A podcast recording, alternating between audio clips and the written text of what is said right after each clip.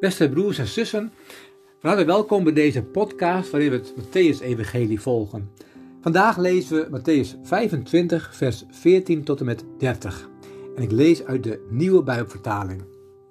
En daar zegt Jezus, of het zal zijn als met een man die op reis ging, zijn dienaren bij zich riep en het geld dat hij bezat aan hen in beheer gaf.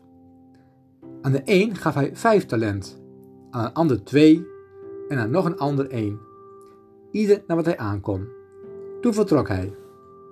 Meteen ging de man die vijf talent ontvangen had op weg om een handel mee te drijven. En zo verdiende hij er vijf talent bij. Op dezelfde wijze verdiende de man die er twee had gekregen er twee bij.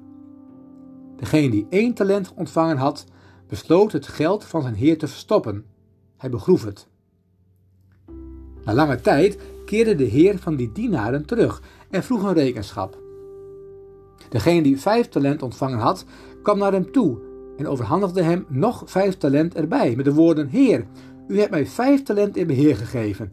Alsjeblieft, ik heb er vijf talent bij verdiend.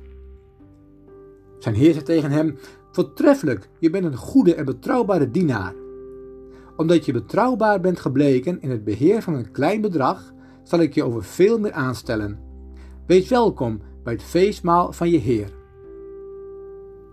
Ook degene die twee talent ontvangen had, kwam naar hem toe en zei: Heer, u hebt mij twee talent in beheer gegeven. Alsjeblieft, ik heb er twee talent bij verdiend.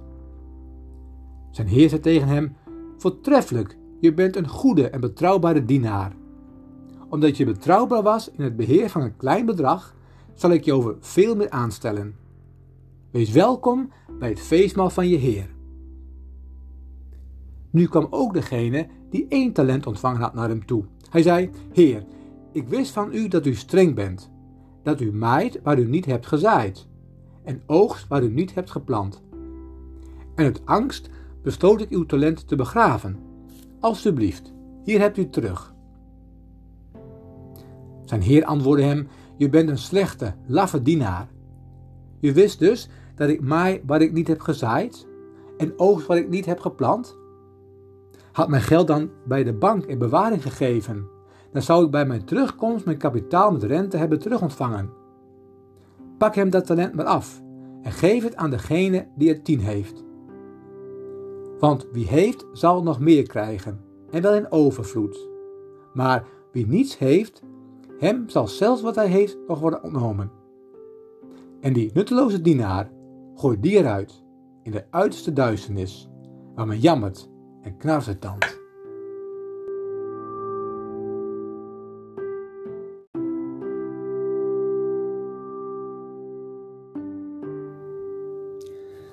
Opnieuw vertelt Jezus een verhaal, een gelijkenis. En het is goed te bedenken dat hij deze gelijkenis vertelt, net zoals die vorige gelijkenis en die vorige woorden, dat hij die vertelt alleen aan de leerlingen. We hebben gelezen in hoofdstuk 24 dat Jezus naar de Olijfberg gaat en daar alleen is met zijn leerlingen. En je zou dus kunnen zeggen, ook deze woorden zijn dus voor intern gebruik. En ook nu ligt de nadruk op de wederkomst. Jezus vertelt deze woorden blijkbaar om ons bij de les te houden of misschien wel te krijgen. Hij sluit aan bij het voorafgaande gedeelte. En dan vooral hoofdstuk 24, vers 45, waar gesproken wordt over de betrouwbare, de trouwe en verstandige dienaar of slaaf, dienstknecht. En ook hier spreekt Jezus over dienaren, over slaven. Heel treffend dat hij hier vertelt dat deze man die op reis gaat, deze mens, spreekt over zijn dienaren. Als je dan bedenkt dat Jezus die Heer is, dan is het natuurlijk prachtig. wij mogen zijn dienaren zijn. We mogen Hem dienen. juist ook in deze tijd van coronacrisis. En er wordt duidelijk in dit gedeelte, in dit, deze gelijkenis, dat alles wat je hebt, dat dat gekregen is.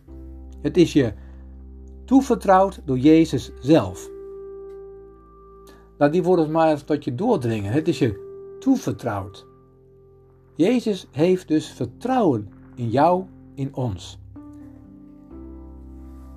En het talent, wij kennen die term vooral vanuit de gedachte, je hebt bepaalde talenten waar je goed in bent. Maar het zou heel goed kunnen zijn dat Jezus deze woorden letterlijk hier natuurlijk bedoelt.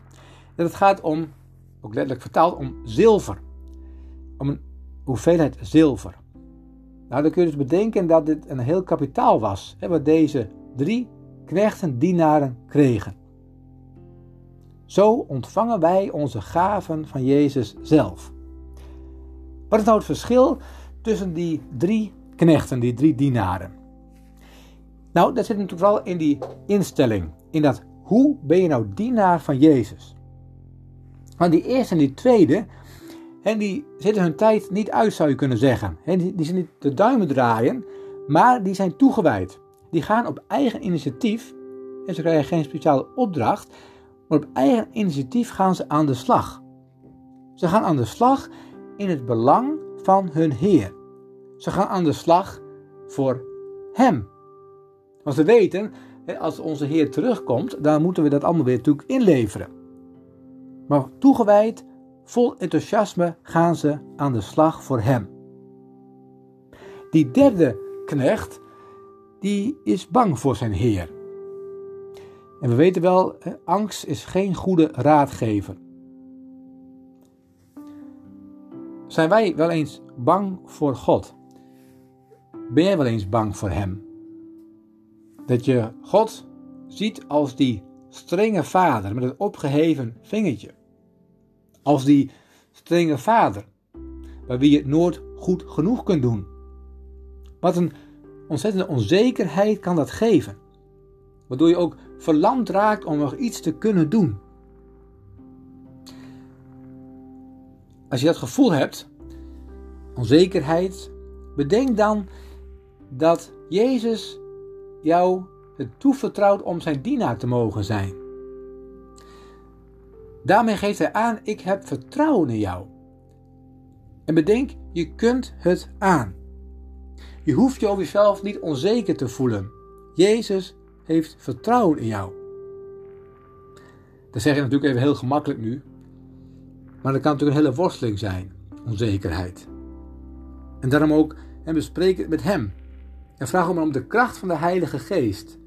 Om ook met die onzekerheid om te gaan, om er ook verder mee te kunnen. Ik denk dat die derde knecht in dit verhaal niet onzeker is. Ik denk ook niet dat hij jaloers is op die andere twee. Daar lees je verder niks van.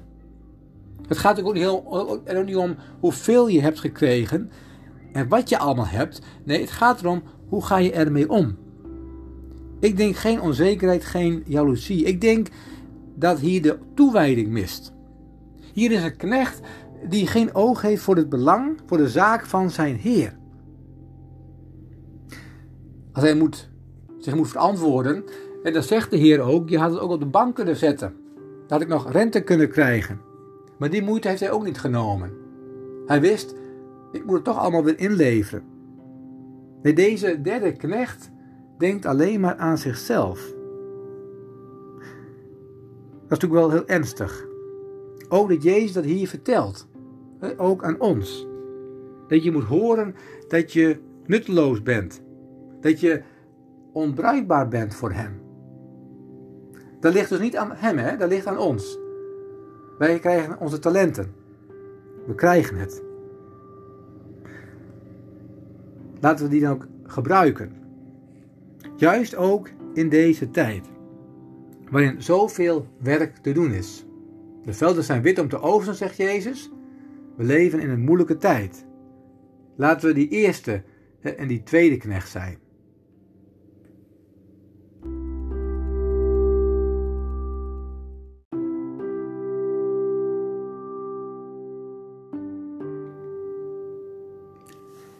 Laten we ook samen bidden. Heere God, wij willen u danken dat wij u mogen dienen. Dat we uw dienaren mogen zijn. Heere God, en dan bidden we ook om toewijding. Dat we oog hebben voor uw zaak. Niet denken aan onze zaakjes, maar uw zaak met hoofdletter. Heer, de verspreiding van het evangelie in woord en daad, juist ook in deze tijd. Heer, wij willen u bidden voor hen die dementerend zijn. Die geen bezoek mogen ontvangen, die het allemaal niet begrijpen, aan wie het ook allemaal niet uitgelegd kan worden. Heer, wat ook een verwarring. Wij willen u bidden, Heer God, wilt u alstublieft met uw liefdevolle ontferming bij hen zijn. We bidden u ook voor hen, Heer, die, die werken in het onderwijs. Die nu ook op afstand onderwijs moeten geven. Die ook hun leerlingen ook missen. Heer, en ja, dat voelt ook heel raar. We bidden u om wijsheid, Heer, om ook op een goede manier om te gaan met de alternatieven die er zijn, om toch contact ook te houden met de leerlingen. En ook dat ze oog mogen hebben, ook juist voor die leerlingen, voor die jongens en meisjes, voor de jongens en meiden die juist ook extra hulp nodig hebben. Die het misschien ook thuis moeilijk hebben. Heer, wilt u hen daar ook een open oog en hart voor geven. Trouw God, zo mogen we u ook bidden om zegen. Over al die alternatieven die er zijn om toch ook in deze tijd contact met elkaar te leggen en te hebben. Heer, ook bidden we om uw zegen over het Norbenschap, wat we ook zo om ons heen zien gebeuren. Dank u wel, Heere God. Dank u wel. In Jezus' naam. Amen.